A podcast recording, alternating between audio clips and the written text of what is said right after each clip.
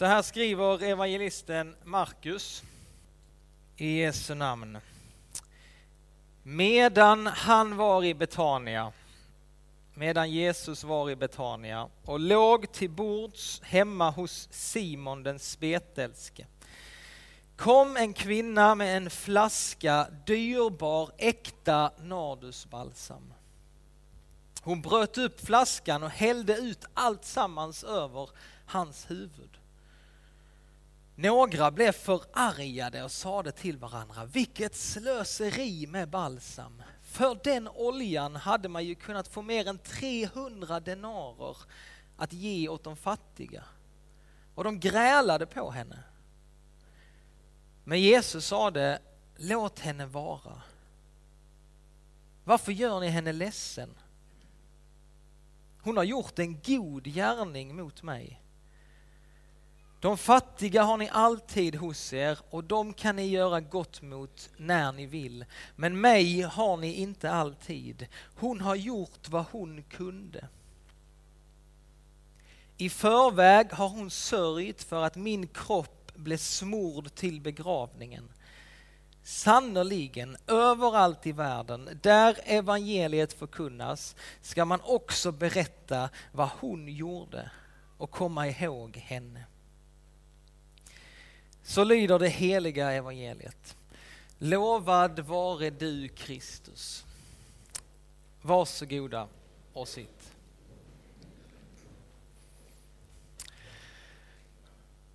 Det är andra söndagen i fastan.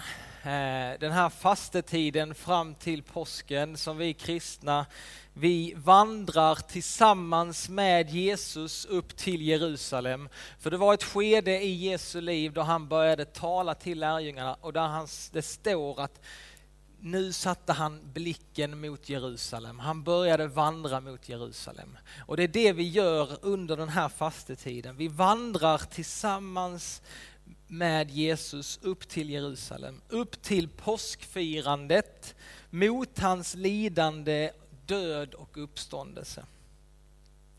För Jesus han visste vad som skulle hända. Det var därför han hade blivit människa. Han visste vad som skulle hända honom. Och så börjar han dela med sig av detta till sina lärjungar.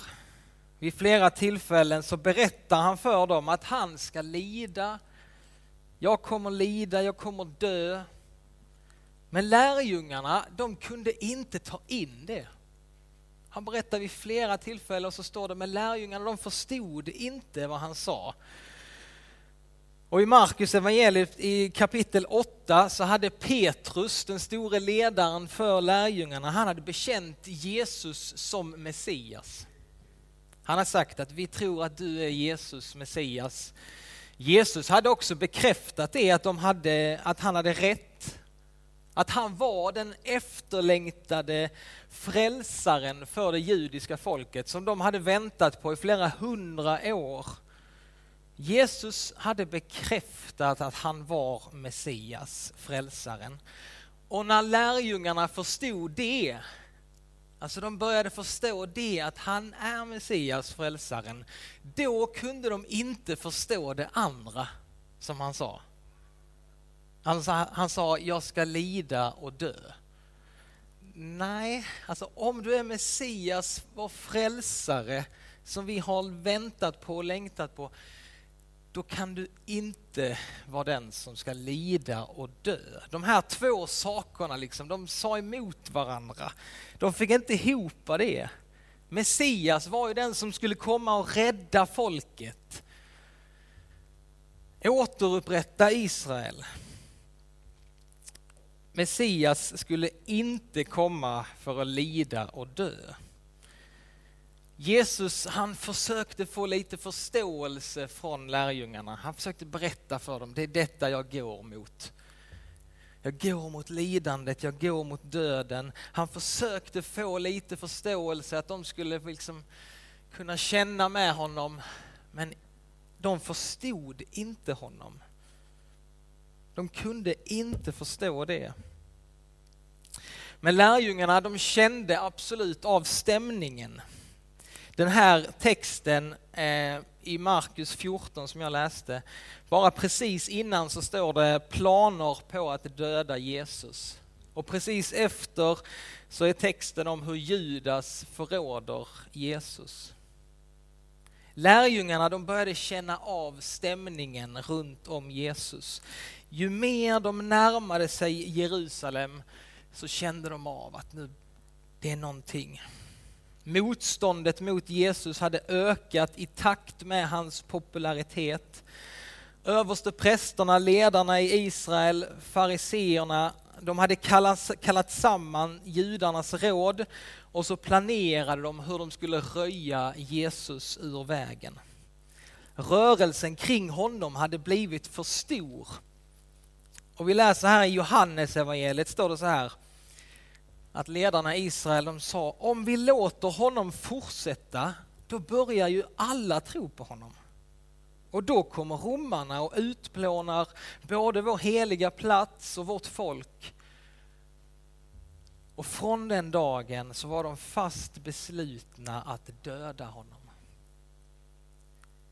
Och också Johannes 11 står det, översteprästerna och fariseerna hade gett befallning om att den som kände till var Jesus fanns skulle anmäla det så att de kunde gripa honom. Alltså ryktet om att Jesus var efterlyst spred sig i och runt omkring Jerusalem. Och nu, den här texten, så är det bara några dagar kvar till påsk. Jesus han är i Betania. Det är bara tre kilometer ifrån Jerusalems centrum. Det är som avståndet till Ramlösa station. situationen var minst sagt farlig. Och den som tar emot Jesus som gäst i sitt hem, han tar emot en efterlyst person. Jag tror inte bara det var med glädje som man öppnade dörren för Jesus, utan det fanns också en bävan, en fruktan. Vi kan bara föreställa oss stämningen den är nog rätt så spänd där inne i huset i Betania. Den är laddad på något sätt med vetskapen om att faran som lurade där ute, både för Jesus men också för alla som hörde till honom, alla som följde honom. Några av lärjungarna är säkert lite upprymda av spänningen, av stämningen de ser att Jesus han är målmedveten, han går mot Jerusalem. De tänker nu så, nu kommer det hända. Nu kommer det hända någonting stort. Han kommer ta över makten över folket. Han kommer befria Israel från romarna. Någonting kommer hända. De hoppas och de tror på Jesus. Han är ju Messias. Det kan inte vara så att översteprästerna och de, deras planer kan inte lyckas. Utan det är någonting annat som kommer hända. Några av lärjungarna som kanske hade lyssnat på Jesus lite bättre, de var nog väldigt oroliga. Vad är det som ska hända? Kommer han frivilligt ge sig i människornas våld? Är detta slutet? Alltså lärjungarna de hade lämnat allt för Jesus. Varför går han dit där faran är? Varför går han så målmedvetet mot Jerusalem? Till de som vill fånga, de som vill döda honom. Hur kan han riskera allt som vi har byggt upp genom att gå till Jerusalem? Det är i denna situationen, det är i den här stämningen som bara liksom osar så plötsligt så fylls hela det här rummet där de sitter med en helt underbar doft som alla måste märka av. Plötsligt så bara förändras stämningen för kvinnan som vi i Johannes evangelium har lärt känna som Maria bryter upp den här fina flaskan med äkta nardusbalsam. Äkta nardusbalsam bereddes av en indisk växt som bara finns att plocka i Himalaya. Hon bröt upp den här flaskan och så tömde hon hela flaskan över Jesus. Doften bara spred sig i rummet. Värdet av den här flaskan var vad en hel familj hade kunnat livnära sig på under ett helt år. Det är inte konstigt att några blir förargade och säger, men vilket slöseri av olja. Men Jesus försvarar kvinnan och bekräftar att hon har gjort en god gärning. Hon har gjort vad hon kunde hon gör här en handling mot Jesus som talar starkare än alla ord. Hon säger ingenting till honom. Utan hon gör en handling som talar starkare än alla ord. Jesus får här i den här texten få ta emot en enorm kärlekshandling. Och därför säger han att överallt där evangeliet förkunnas så ska man också berätta vad den här kvinnan gjorde. Inte vad hon sa, utan vad hon gjorde mot Jesus. En handling som talade på ett sätt som ord inte kan tala. Vad betydde denna handling då, när hon överöste honom med olja, tvättade honom? Är det att hon är tacksam för vad han har fått betyda för henne? Är det att hon visade hur mycket hon älskade honom? Ja, absolut. Men det är också mer än det. Jesus vet vad hon gör. Och han säger, han tolkar liksom hennes, hennes handling och han säger så här, i förväg har hon sörjt för att min kropp blev smord till begravningen. För en välluktande olja som denna värdesattes främst av två skäl. Det är i samband med festligheter för att skänka glans och glädje så kunde man smörja sina gäster med olja. Men man använder det också vid begravningar för att smörja och balsamera den döde. Så då kan det vara så här. va?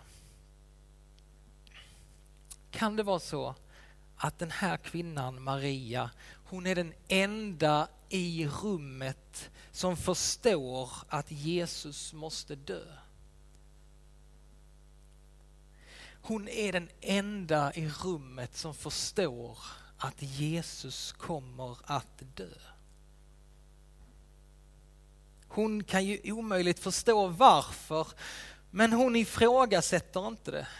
Hon har accepterat det.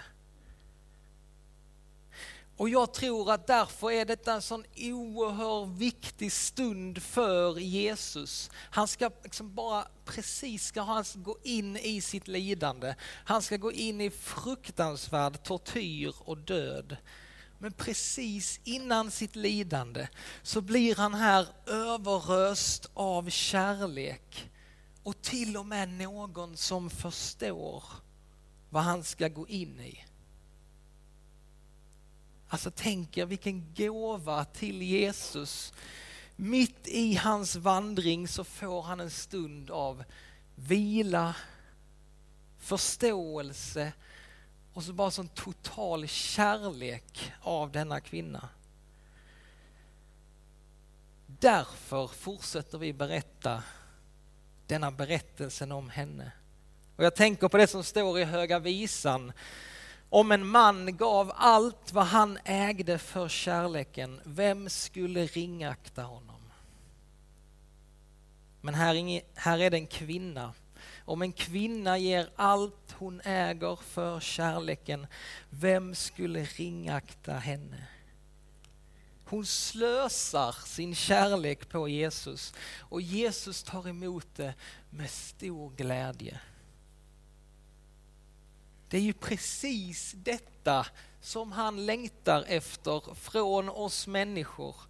Detta som han inte kan tvinga fram hos någon, utan det måste komma från en fri vilja i kärlek, av kärlek.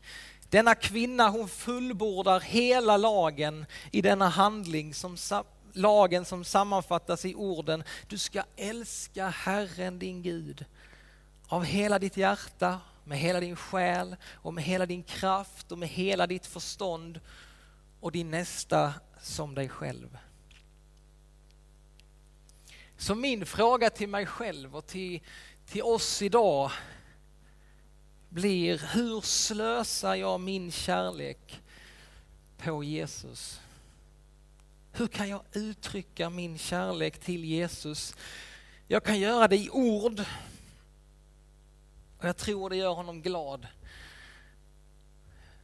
När jag säger det till honom. Inte bara säga tack Gud för att du älskar mig utan också få säga orden Jesus jag älskar dig.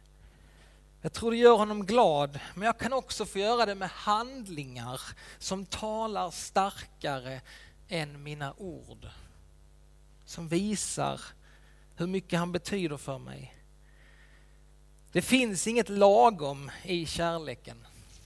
Varken i relationen med Gud eller i mellanmänskliga relationer. Så låt inte lagom vara ett mått som du använder när du ska älska.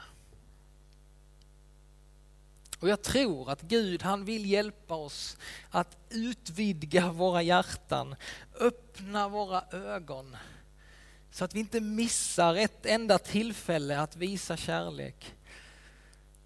Det är därför jag blir så oerhört inspirerad av denna kvinnas kärlekshandling. Hur hon bara så helhjärtat bara ger allt.